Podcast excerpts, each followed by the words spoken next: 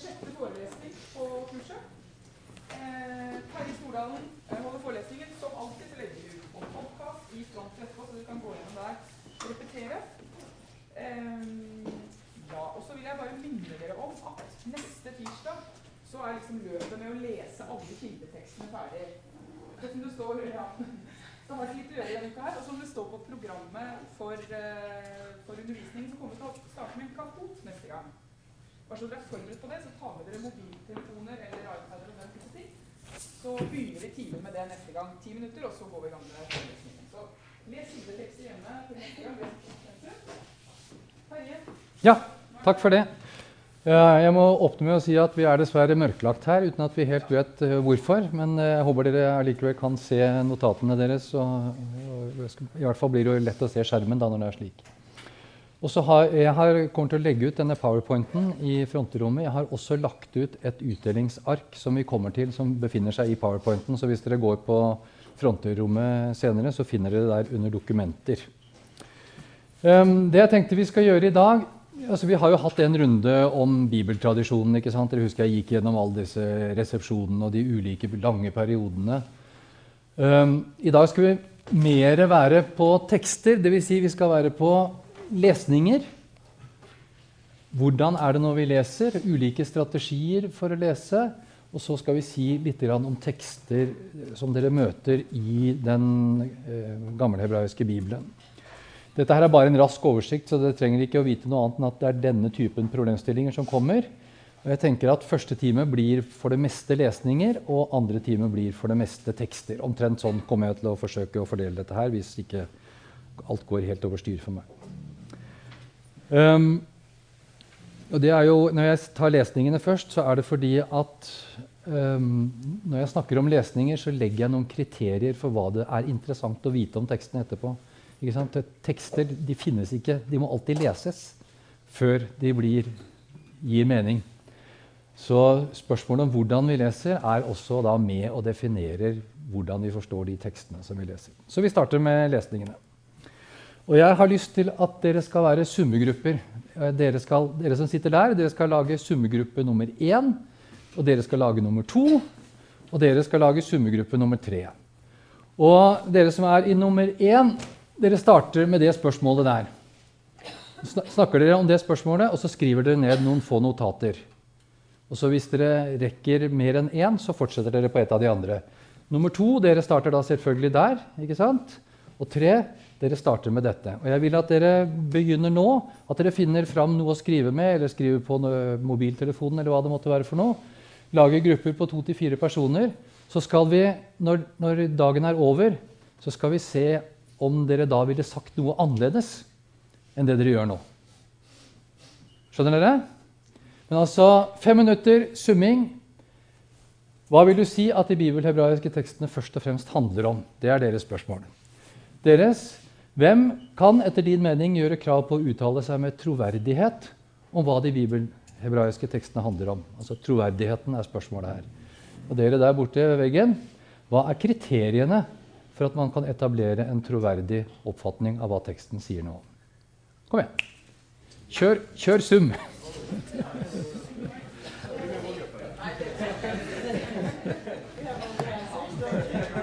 Nei, Marianne, du er diskvalifisert. Du kan.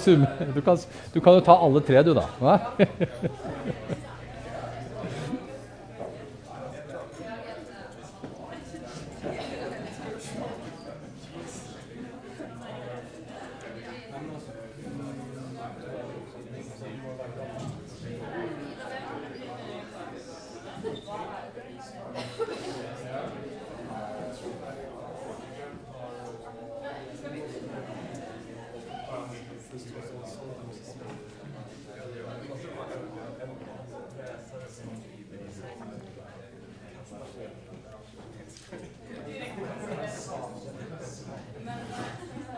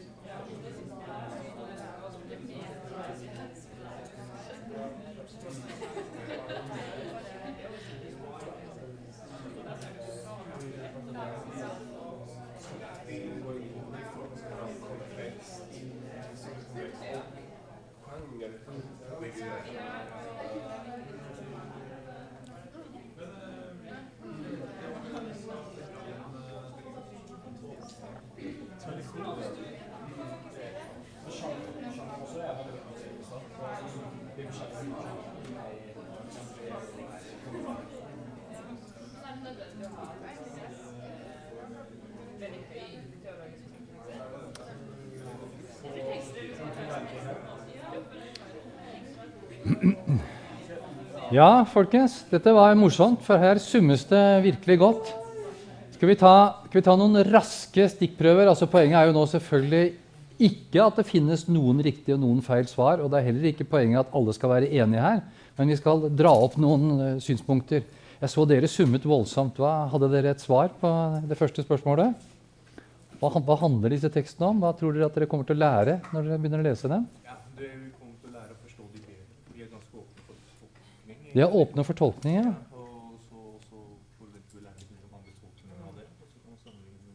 Tolkninger. Mhm.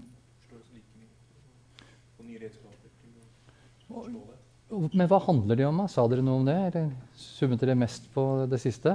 Det ble mest det siste, men vi handlet litt om det var litt var inne på, var at det var lovgivning, hvordan man skal te seg etter det og Ja. leve etter det. Komplett levemåte, på en måte. Helt åpenbar, viktig. Hadde dere noe andre? Jeg så dere summet godt baki her òg. Hadde dere noen andre bud på hva de handler om? Fortellinger, ja. Og andre store menn. Mm, helt riktig. Ok, folkens. Hvem er det som med troverdighet kan si noe om hva disse tekstene betyr? Dere summet voldsomt her nede, dere gutter, jeg må få høre noen ord fra dere. Um, de diskuterte litt, starta med å snakke om eh, troverdighet i seg selv. Mhm. Eh, hvordan en, noen kan ha troverdighet for én gruppe, Yes. eh, og noen andre kan ha troverdighet for en annen gruppe, uten at de nødvendigvis er troverdige overfor hverandre. Mhm. Eh, men det bunner vel også litt ut i at det handler om kunnskap og eh, Man må ha tillit til at de har satt seg inn i verkene. da. Mhm. For eksempel en uh, filosof vil definitivt, eller i, i hvert fall innenfor det feltet, ha troverdighet til å snakke om i hvert fall det filosofiske aspektet, Ja, og en teolog innen det, det teologiske eh, aspektet, og kanskje til og med en politiker som I don't know. Eh, Som har gjort jobben sin. ja. Ja, Kjempefint. Altså Det jeg hører nå, det er jo både at troverdighet kan være omstridt, ikke sant? at den har noen kriterier, men også at dere understreker men, men det må være en kontakt med tekstene og liksom med det materialet man snakker om. Det er, det er den veien dere drar. Og det var kjempebra. og det, det skal jeg prøve å understøtte så godt jeg kan når vi kommer dit. Men dere, da? Kriteriene for troverdighet? Eh, vi har skrevet snakket litt om eh, at for å kunne etablere sånn uh, troverdighet, spesielt fra et utenforperspektiv, Mhm. må du kunne ha en tverrfaglig forståelse av det du leser. Ja. Altså, du kan ikke bare sitte og lese de bibelhebraiske tekstene og forvente at du skal bli altså forstå alt om de da. Og så litt sånn at du eh, må ha en kritisk tilnærming til ditt eget fag. Ja. Uh, og forkunnskap om kontekst, sjanger Ja. og sånne ting. Språk. Nettopp.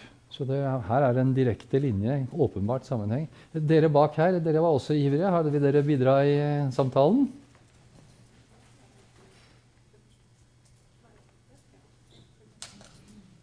Ja, det med autoritet, da. Ja? Folk ikke kan lese, så er det litt vanskelig å være tekstkritisk. -hmm. Så kunnskap er et must. Mhm. Ja, det varmer jo universitetslærerens hjerte selvfølgelig at kunnskapen eh, står høyt i kurs. Og det bør den gjøre. Det bør den gjøre når vi snakker om disse tekstene. Eh, og en, nettopp en tverrfaglighet og en, en, en form for uavhengighet, altså en kritisk selvstendighet, det er jo egentlig det vi er på vei mot her nå. Men det der er jo alltid lettere sagt enn gjort, og jeg tenkte vi skulle kikke litt på, på noen elementer i hvordan vi nå kan etablere det. Um, og jeg har lyst til å nå altså dere har, dere har gitt noen svar. Jeg skal antyde noen andre svar som, som rant meg i hu da jeg satt hjemme og forberedte timen. Og de er hentet ifra faktiske forslag. Altså, hvis du spør litt ulike grupper, så vil f.eks. noen si at tekstene handler om israelsfolket og om deres land. Og de som svarer det, det er de som er særlig opptatt av Palestina. ikke sant? De leser det den veien. Det er en, et prisme for å lese det. Um, noen vil si at den handler om menneskeheten, for den handler om Adam ikke sant? og Eva, urmenneskene. Hva vil det si å være menneske? Noen vil si at det handler om spennende individers liv. David og alle de andre store mennene som vi var inne på her. Men det kan jo kanskje også handle om liv og død i alminnelighet. altså Igjen litt mer dette å være menneske. Hvordan, hvordan konstruerer man sin menneskelighet i en gitt situasjon? Veldig mange vil si at dette handler egentlig om Gud og religion. Det var litt morsomt at ingen av dere sa at den hebraiske bibelen handler om Gud. Det syns jeg var stilig. Uh, og så er det mange som mener at det som egentlig gjemmer seg i Det gamle testamentet, det er et budskap om Jesus. Særlig de som helst leser Det nye testamentet, de sier ofte det. Det er en type eh, kristen, religiøs lesning som har det perspektivet på Det gamle testamentet. Og så er det i de senere år noen som sier at dette handler egentlig om hvordan menneskeheten utvikler en form for religiøsitet. Det er vel kan dere ha hørt om denne aksetidsteorien, som sammenligner det som skjer med profetene i Israel, med det som skjer med Buddha, med det som skjer med Konfusius, og sier at her er det på en måte en slags eh, ja, eh, mentalitetshistorie eh, ute og går. Så det er, det er veldig mange ulike svar på dette. Ja, kom igjen. Ja? Det der at Det gamle testamentet handler om Jesus. Mhm. Ofte så brukes ordet historisitet. ja. Gjør det ikke det? Altså Hvis man tillegger et historisk materiale et innhold som kanskje Um, ja, jeg bruker ordet historisitet for å vurdere om det er der eller ikke er der. Men, men spørsmålet om historisitet er ekstremt viktig når vi skal lese de gamle hebraiske tekstene. Og jeg har et eget punkt om det, så hvis du lover meg å huske spørsmålet ditt, så kommer vi grundigere tilbake til det etter hvert. Men det er et av de virkelig store spørsmålene. Og et av de eh, kontroversielle spørsmålene, selvfølgelig. Um, så er det spørsmålet om hvor vi bruker denne, disse tekstene. Og dere hører at det jeg, det jeg egentlig sirkler i nå, det er hvilken plass denne teksten har i vår verden. Og, og det er jo min, min filosofi, min overbevisning, at vi må starte der hvor den teksten er. Det er, det er, det er det som skjer i denne verden, vi skal kunne noe om. Og Derfor så kartlegger jeg disse. Og Brukssituasjonene er jo mange. Det kan brukes i gudstjenestelig sammenheng. De bibelhebraiske tekstene synges i synagogen. Og de leses i hvert fall av og til i kristne gudstjenester. Og da er det jo ikke lik lesning selvfølgelig, av de to tekstene. For det er to ulike religiøse innramminger. Så brukes det i skoler og undervisning. I gamle dager så fantes det et fag på skolen som het bibelhistorie. Det var egentlig bibelfortellingene. Men de brukes jo fortsatt. De finnes i mønsterplaner på, på ulike nivåer. og man skal lese disse tekstene. Leser dem helt åpenbart annerledes enn det som skjer i en kristen eller en jødisk gudstjeneste. Så det er et annet sted for bibelteksten i vår verden. Og det er selvfølgelig, ja, altså Den jødiske undervisningen den er jo veldig opptatt av den teksten, men den handler om å lære å lese og lære å huske. Mens den eh, norske folkeskoleundervisningen den handler mer om å vite noe om en hel masse kulturelle koder og paradigmer. Altså. Så brukes tekstene i litteratur og kunst, men hvor er den kunsten? Er den i Asia? Er den i Øst-Europa? Er den i Sør-Amerika. Dere ser dette, dette, varierer. altså Konteksten varierer. Um, politisk og statlig ideologi Ja, den dukker opp, disse tekstene, både her og der. Det var, jeg vet ikke om dere er klar over det, men I det gamle norske kongespeilet så drømmer kong Harald akkurat det samme som Jakobs drømmer i Genesis. Og så får han høre fra Gud akkurat det som Gud sa til Abraham. Til deg og din ett gir jeg dette landet. Det er jo helt åpenbart en politisk ideologi som bruker teksten. Og akkurat like eksplisitt kan det jo være f.eks. i spørsmålet om Palestina, ikke sant? hvor dette her slår direkte inn. Men det fins også mer subtil bruk. Og så er det individuelle lesninger. Så teksten lever i en hel masse medier og en masse settinger. Og det er ulike troverdige fortolkere som dere var innom, i ulike settinger. ikke sant? disse kommunitetene, disse fellesskapene som bruker teksten, de har hver sine fortolkere i veldig stor grad. Så noen tror mer på presten, og noen tror mer på rabbien, og noen tror mest på lekmannspredikanten. Og noen tror eller tror ikke på lærerne. Det er jo særlig populært å ikke tro på lærerne i våre dager. Eh, noen lytter mer på kunstnere, noen på politikere, som dere var innom. Ikke sant? Eh, av og til lytter man til en professor også. Eh, og spørsmålet er hvorfor gjør man det, eller hvorfor ikke. Det er, det, liksom, det er dit vi er i gang. Men vi må ha hele denne brede, akkurat som dere var inne på, utafor boksen. ikke sant? Vi må kunne snakke om helheten her. For, det, for fenomenet sånn som vi møter det, det er alt dette her og enda mer til. Jeg bare dro opp alt dette her for å vise dere forgreningene i, i vår verden. Um, og jeg skal nå jeg skal dra frem to begreper som jeg håper blir stående under dette med lesninger. Og Det ene er sted, og det andre er historie. Og, på, og, jeg tror at dette er de to perspektivene som dere er nødt til å etablere for å få et meningsfull uh, omgang med de bibelhebraiske tekstene. Og historie, da skjønner dere hva jeg mener. ikke sant? Det er at det er ulike lesninger i ulike perioder. Uh, avhengig av hva som er opplest og vedtatt kunnskap. ikke sant? Sted det er nettopp disse brukerstedene. At synagogen leser annerledes enn kirken, som leser annerledes enn teatret, som leser annerledes enn skolen. Alle disse stedene har hver sin innebygde logikk. Det er spilleregler for hva det er som skal foregå der. Det er ulike spørsmål man stiller, og det er ulike ting man er interessert i i tekstene. Og det som i hvert fall ikke er troverdig i våre dager, det er å absolutere et sted og si at det, sånn er det. Vi er igjen tilbake til dere. ikke sant? Ut av boksen. Altså, hvis, vi skal, hvis vi skal gå ut i det samfunnet vi lever i, ha en troverdig mening om disse tekstene, så må vi kjenne til stedene og hvordan stedene betinger lesningen. Så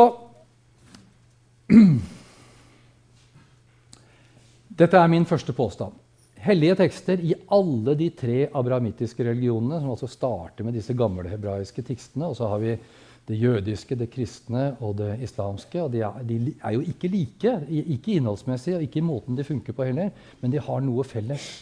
Og noe av det som de har felles, er at de er overskrevet med en hel masse lesninger. Det foreligger i det øyeblikket du løfter boken opp og legger den på pulten foran deg, så løfter du opp en hel masse lesninger. Enten du vet det eller ikke. For de lever i den verden som er rundt deg. De lever i de begrepene som du har når du begynner å forstå tekstene osv. Så, videre. så hellige tekster kan ikke leses uten at tidligere lesninger klinger med. De kan klinge med positivt, at du knytter an til dem og bruker dem, eller negativt, at du avgrenser deg fra dem. Men de er der. Så den, den, forsvarlige måten å forholde seg til det på, det er jo å tematisere dem. ikke sant? Si at ålreit, noen leser sånn, og noen leser sånn, og sånn er det, og sånn er det. Altså kunnskap. Um, disse tidligere lesningene de er etablert i bestemte epoker og på bestemte steder. Og det er alltid medbestemt av de epokene og de stedenes dynamikk. Det er f.eks. i kristen teologi så er det en sterk tendens til å si at det som man gjorde i den tidlige kirken, det bestemte hvordan vi forstår de gammeltestamentlige tekstene. Og så hopper vi noen hundre år, og så sier vi at det Luther gjorde med disse tekstene, det er særlig viktig. Da hører dere, er det ett sted og én epoke, et annet sted og én epoke. Og de er jo veldig forskjellige, men de på en eller annen måte glir inn i det som er blitt det kristelige arvegodset. Og det dukker alltid opp når en pastor eller en prest leser teksten på vei opp på prekestolen. For da har vedkommende en eller annen forpliktelse om å stå i si, resonans med denne tradisjonen, og den er definert av disse lesningene. Så dette må vi jo da kjenne til, og det blir eh, ganske mye vi skal vite om etter hvert. Um, men det at det er slik, at de har sine steder, det betyr jo at når vi leser disse hellige tekstene, så har det Den trenger ikke å ha et politisk formål. Det kan det ha, men som regel har det kanskje ikke det. Men selv om det ikke har et politisk formål, så kan det ha en politisk effekt. Altså det, det, bare det at vi leser den teksten, det at vi løfter disse tekstene inn på universitetet og gjør dem til gjenstand for studier, det gir jo disse tekstene en plass i vår kultur. Eller anerkjenner, tydeliggjør at de har den plassen som de har. Uh, og det medvirker til at individer forstår teksten og verden på bestemte måter, og de måtene fremmer visse interesser. Vi kan like det eller ikke like det, men altså, prestene og imamene de er glad for at vi studerer disse tekstene her. Og det må de gjerne være. Vi skal være klar over at det er en del av den dynamikken som vi inngår i. ikke sant? Altså, det er ikke mulig å lese uten politiske effekter, men det er mulig å være klar over de politiske effektene. Og Derfor sier jeg, så bør enhver lesning, ikke minst på universitetet, klargjøre hvordan den er medbestemt av epoken og stedet og interessene som den forholder seg til. Og her, det siste, det er på en måte gul, Her burde jeg hatt gultusjen på, på lerretet. Det er, det er, det dere skal tenke på når dere begynner å lese kildetekstene. Ikke sant? Hvorfor leser vi disse tekstene? Hva er det vi vil med dem? Hva er, hva er vårt formål? Det skal vi da komme tilbake til ganske snart. Jeg tror at sånn som jeg oppfatter dette altså Alt det jeg sier fra nå av, altså Det har lenge vært det òg. Men dette er kontroversielt. Det kan konstrueres på andre måter. Jeg gir dere mitt forslag til hvordan det skal være. Og inviterer gjerne til spørsmål eller innsigelser eller øh, ikke-voldelige protester. uh, men jeg tror at vi har to formål når vi leser disse tekstene på universitetet. Og det har med min forståelse av hva universitetet nå egentlig er. Vi har et historisk deskriptivt, eller i hovedsak historisk deskriptivt formål. Og det er fordi vi ønsker å forstå hva det er som foregår når tekstene brukes. Altså, Når en imam leser Koranen, så vil jeg gjerne vite hvorfor og hvordan og hva, hvilken rolle spiller dette. Både i vedkommendes menighet og i en større sammenheng.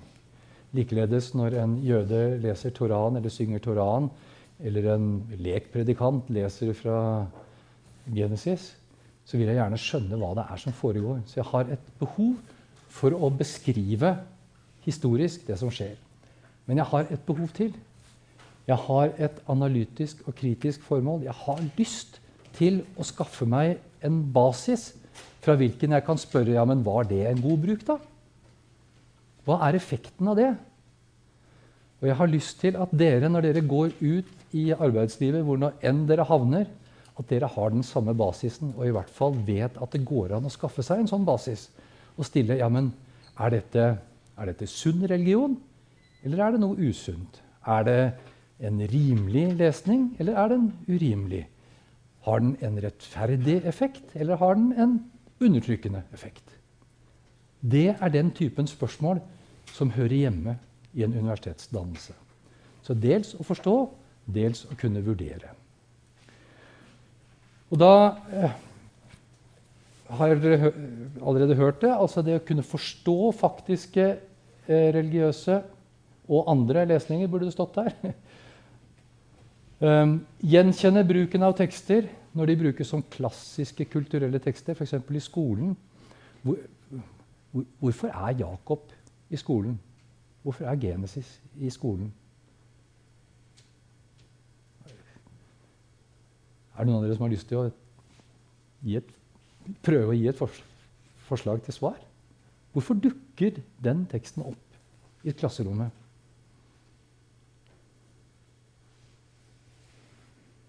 Ja? Kanskje noe, noe av det at det er en klassisk kulturell tekst. Ja? At den regnes som spesielt viktig. da. Eh, og den er jo på sin måte definerende for et eh, verdensbilde. Ja. Og kanskje kan det være at de som laget uh, curriculum, tenker at det, det, er en tekst som så mange mennesker har, som har åpnet for så mange mennesker, at det er en god tekst å bryne seg på for unge mennesker som skal finne ut hva det vil si å være menneske. Så det er jo ett mulig svar.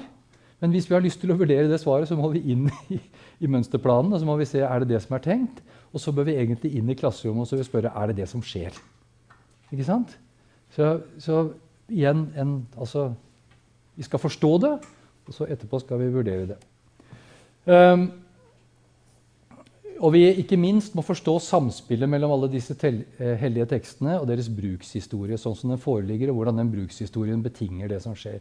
Det er jo ingen tvil om at når det er Jakob som er der i det norske skoleverket, og ikke Ishmael, så er jo det fordi at Luther er stor og profeten er liten i norsk kulturhistorie. Det må vi også vite om og skjønne og kunne sette ord på og behandle på en adekvat og saklig måte. Så da er vi over mer på det analytiske her. Jeg sier at jeg vil gjerne altså Dette er jo ide ideelt, ikke sant? Dette, er vanskelige ting. Men ideelt sett så vil jeg vurdere lesningenes holdbarhet og effekten av at det leses. Og jeg, hvis det er relevant, så vil jeg understøtte det. Og hvis det er relevant, så vil jeg kritisere det. Ikke sant? Altså rett og slett vurdere det. Jeg vil gå inn og vurdere, og Da er vi inne på de kriteriene som dere snakket om. Hva er kriteriene for en troverdig vurdering? Da må jeg jo vite noe om det. Hvis, så ikke bare det blir min synsing mot noen andres synsing. Hvor, hvorfor skal man kunne vurdere? Eh, jeg vil gjerne vurdere, understøtte og kritisere de kulturelle lesningene også. Heia Jakob, men husk at det fins flere enn Jakob. da. Ikke sant?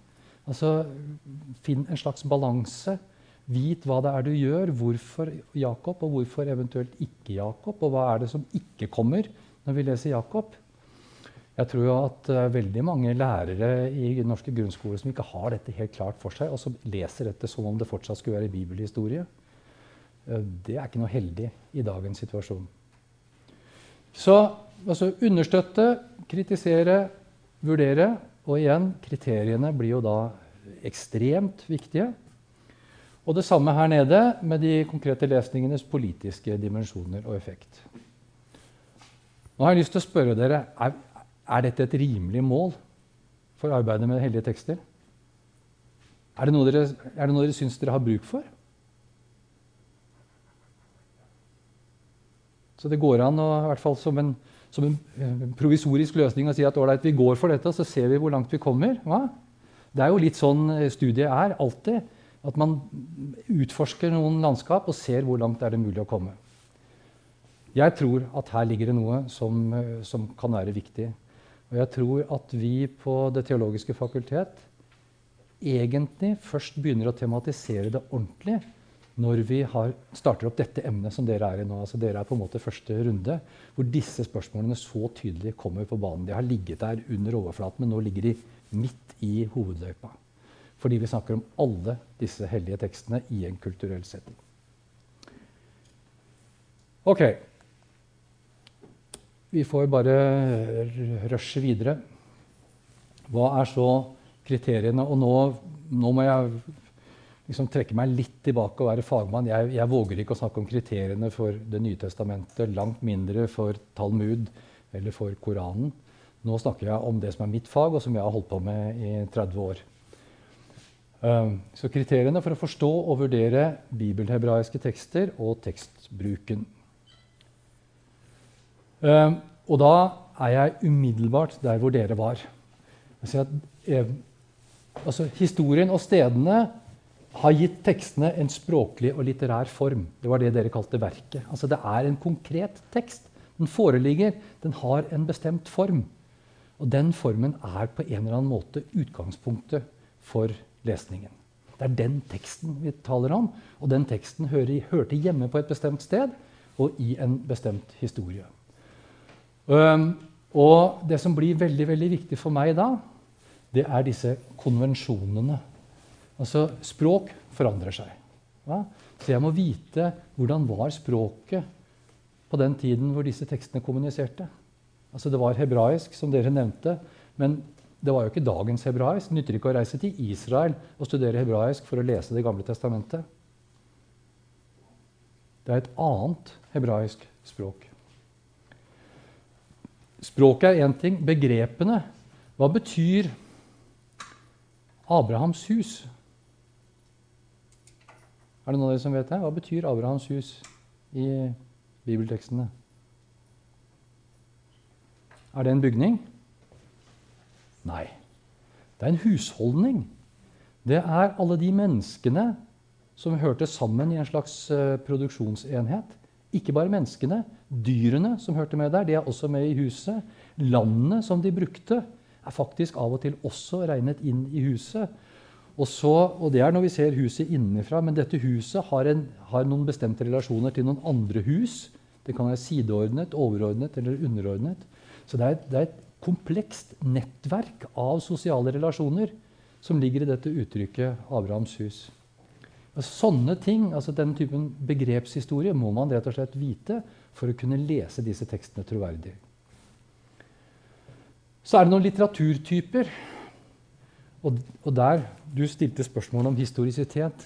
Dette er jo et av de virkelig store spørsmålene til litteraturtype. Det, det første spørsmålet jeg stiller, når du møter en bibelfortelling, prøver den å fortelle noe historisk? Eller prøver den bare å fortelle en fortelling? Altså, er det, er det en novelle? Er det en fiksjonstekst? Eller er det en, et historisk referat? Ja?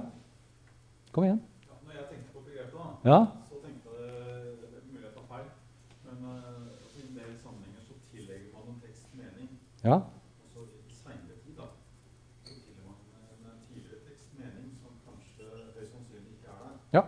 Fordi vi er moderne mennesker, tenker annerledes. Så vi har lang historie, og så tillegger vi den teksten retroaktivt eh, momenter som eh, kanskje reelt sett er tvilsomt er der opprinnelig. F.eks. at man leser inn ting om Jesus i Det gamle testamentet eh, som kanskje kan være ganske spekulativt. Ja. Men, men det er jo faktisk ikke moderne, for det finnes jo allerede i Det nye testamentet. For Det nye testamentet leser gammeltestamentlige tekster på måter som gammeltestamentlige lesere aldri ville ha foretatt. Så dette er noe som har foregått hele tiden. Uh, um, ja, altså, en tilskrivelse av historisitet. Du kan gjerne si det. altså Man, man skriver det til det. Ja, jeg kaller jo Den bevegelsen kaller jeg heller for kulturelt minne. altså Det er et spørsmål om å huske fortiden gjennom denne teksten på måter som gjør fortiden Eh, forståelig for oss. Og det som, det som, kjennetegner den moderne epoken, det er jo at vi er veldig opptatt av historie. For oss er det historie som definerer hva som er sannhet. Så hvis en ting har skjedd, så er det sant. Og hvis det bare er uh, fantasi, så er det ikke sant. Og dette har preget all nyprotestantisk lesning av bibeltekster fra 1700-tallet og oppover. Jeg kommer, jeg kommer nærmere tilbake til det. Men det er jo da en modernistisk forutsetning for å lese disse tekstene som ikke var der. Det var helt, helt andre litteraturtyper de arbeidet med. Det skal vi komme litt tilbake til. Men altså, i denne settingen, hvem var da egentlig forfattere, og hvem var brukere? Hvordan var bruken? Og hva tenkte de om det med, tekstens kulturelle steder? Hva syns de at den handlet om? Handlet den om det å være menneske, eller handlet den om det å være Israel? For eksempel? og det tror jeg varierer fra tekst til tekst i den bibelhebraiske samlingen. Men det å liksom begynne å tematisere disse spørsmålene det er da viktig for meg. Og så er det jo ikke bare, altså Dette er utgangspunktet, den litterære formen, men det er jo en resepsjonshistorie. Og, og, og, fordi jeg tror at teksten når den kommer til oss, er overskrevet med hele denne resepsjonshistorien, så mener jeg at eh, det hører med til en troverdig omgang med disse tekstene å være klar over resepsjonshistorien også. Og Her har dere noen av de fasene som ofte dukker opp, og som dere kommer til å møte i både pensumlitteraturen deres nå og senere hvis dere arbeider med resepsjonshistorie. Det er tidlig jødisk lesning. Av en eller annen grunn er det begynnelsen som er mest interessant for oss europeere. Så det er tidlig jødisk lesning og tidlig kristenlesning. Og så har vi eh, middelaldersk lesning. Eh, Rashi og Rashbam i den jødiske middelalderen. Og Glossa ordinaria, som jeg viste dere sist. Dere husker den der bibelsiden med alle kommentarene rundt? Det er liksom den kristne middelalderen. Og så er det kunst, historie og reformasjon osv. De ligger der alle sammen.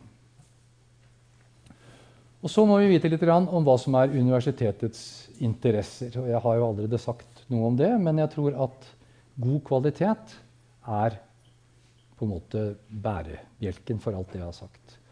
Altså det må være kvalitetsmessig holdbart, historisk, filologisk, altså språklig, og litterært det som jeg sier om tekstene, enten, enten, deres historie eller deres språk eller deres litterære anatomi, det må kunne etterprøves av andre. Det må, en, det må ha en intersubjektiv bærekraft. Det er ikke nok at jeg er professor og bare sier at sånn syns jeg at det er. Jeg må argumentere for det. Det er for øvrig derfor jeg er professor. Um, og universitetet tjener ikke trossamfunnene. Universitetet tjener det norske samfunnet. Det er vår samfunnskontrakt. Og det betyr at vi leser disse tekstene og deres resolusjonshistorie primært fra allmennhetens perspektiv. Allmennheten er ikke uinteressert i hva som skjer i, innenfor de religiøse samfunnene. Tvert imot. Det kan være meget viktig. Det betyr at vi skal, vi skal vite masse om det. Og vi kan gjerne ha individuelt, personlig, ha en interesse i det. Men perspektivet fra universitetet er det allmenne perspektivet. Sånn uh, konfigurerer jeg dette her. Og da rekker jeg akkurat igjennom dette på den første timen. tenker jeg. Skal vi ta en liten pause? Men jeg vil bare oppdra denne sammenfatningen, og så vil jeg gjerne høre deres synspunkter. Og kanskje blikke litt tilbake på notatene som dere gjorde. Uh, men altså, når du arbeider med tekster på universitetet, når du skal til å lese og, og jeg skjønner at denne uka er siste uka hvor vi leser kildetekster. I, i, i, en uke til. Ja, ideelt sett. Det kan jo være at noen av dere skal fortsette å lese kildetekster en liten stund etter det. Um, men altså å klargjøre interessene for lesningen. Hvorfor leser dere? Hva, hva er det dere vil vite når dere leser? Og å ha et selvkritisk bevissthet om det, ja, er det, er det et høyverdig mål? Hvorfor vil jeg lese dette på denne måten? Jeg tror det, det starter der. Dette er, dette er, på en måte grunnlaget i en kritisk, analytisk lesning. Hvorfor leser jeg? Det neste er at dere må fokusere på den historiske dimensjonen. Det er språklige konvensjoner, litterære og kulturelle. Um, jeg tror at i dette arbeidet det er, det er, min erfaring Dette har jeg altså da flyttet rundt på disse legoklossene i, i flere tiår. Da, da jeg satt der hvor dere sitter, så var det tatt, tok man det for gitt at det spørsmålet vi skulle stille, det var hva mente forfatteren med denne teksten? Og det er en type spørsmål som sender oss av gårde inn i forfatterens psykologi. Og hvor man øh, liksom, Hvorfor er det det ordet, og hvorfor har forfatteren gjort den endringen? Og så kom det en redaktør og satte inn det innskuddet. Og så blir det liksom en samtale mellom alle disse ulike forfatterstemmene som jeg i dag tenker det er en ganske uproduktiv måte å lese tekster på. Jeg syns det er mye bedre at dere fokuserer på brukeren. Det, det er en bruker som behersker alle de, de, språklige og begrepsmessige og litterære og religiøse konvensjonene som forfatteren har forutsatt. ikke sant? Det er en person som lever i det samme konvensjonelle universet. Men som ikke primært er opptatt av forfatterens psykologi. Han er opptatt av hva det er forfatteren prøver å si. Og hvis vi fokuserer på brukeren, altså fokuserer på brukerens perspektiv på teksten, så fokuserer vi på hva det er forfatteren har sagt. Ikke sant? Ikke på hva forfatteren har tenkt eller har følt, eller hvem det er han har avgrenset seg fra. eller sånn, Men bare se på teksten i brukerens perspektiv. Hva er det den sier? Det tror jeg er et godt analytisk perspektiv. Det er uh, kontroversielt, men det er mitt, mitt bud på det. Um, og så syns jeg at dere skal fokusere på stedet for teksten. Det skal vi komme litt tilbake til, men det er jo veldig interessant. Hva er Hvordan kan vi tenke oss at disse tekstene er blitt brukt? Jeg skal uh, bare antyde en problemstilling. Hvis disse tekstene kommer ut av en verden hvor det var mellom 3 og 5% som var i stand til å lese og skrive sånne lange, kompliserte dokumenter som vi har i den bibelhebraiske samlingen, hvordan betinger det tekstenes plass i kulturen? Hvem er, det, hvem er den brukeren som vi snakker med? Er det en bruker som har hørt tekstene lest, eller er det en bruker som har lest dem? Hvor er den brukeren, og hva slags utdannelse og hvilket sosialt nivå osv. Så, videre, og så, videre. så dette er den typen problemstillinger som dukker opp når vi liksom velger det fokuset. Så altså våre interesser, konvensjonene som bakker teksten som, sånn som den foreligger, og stedet der teksten har vært brukt. Det er mitt forslag til begynnelsen av den prosessen. Så kan man gjøre dette for hver eneste resepsjon utover faktisk på akkurat samme måten, med de samme tre hovedinnfallsvinklene. Gir dette mening? Som et historisk universitetsstudium? Ja, det er ingen som tør å si nei nå. Jeg har lagt så mye trøkk på det. jeg, jeg, tror jeg holder, og jeg tror det at det gjør det. Um, dette er altså ikke, ikke, enkelt. Og dere kommer ikke til bunns i det i den, det studiet som dere har nå. Det, det, jeg forsøker å vise dere, er liksom noen generelle holdninger. noen og det er ikke mine private holdninger, men dere vil finne mye av dette i den litteraturen som handler om teksten også, slik at det vil hjelpe dere å forstå hva det er som pågår i, i litteraturen. Men jeg tror at det er omtrent der vi er. Um, og da har vi gjort ferdig runden om lesninger. Når vi kommer tilbake etter pausen, så snakker vi om tekstene. Spørsmål eller kommentarer nå? Ja, Marianne? Jeg bare spørre, Du snakker om holdbare lesninger og troverdige lesninger. Hvis vi f.eks. ser på et kunstverk, en, en Rembrandt-maling f.eks.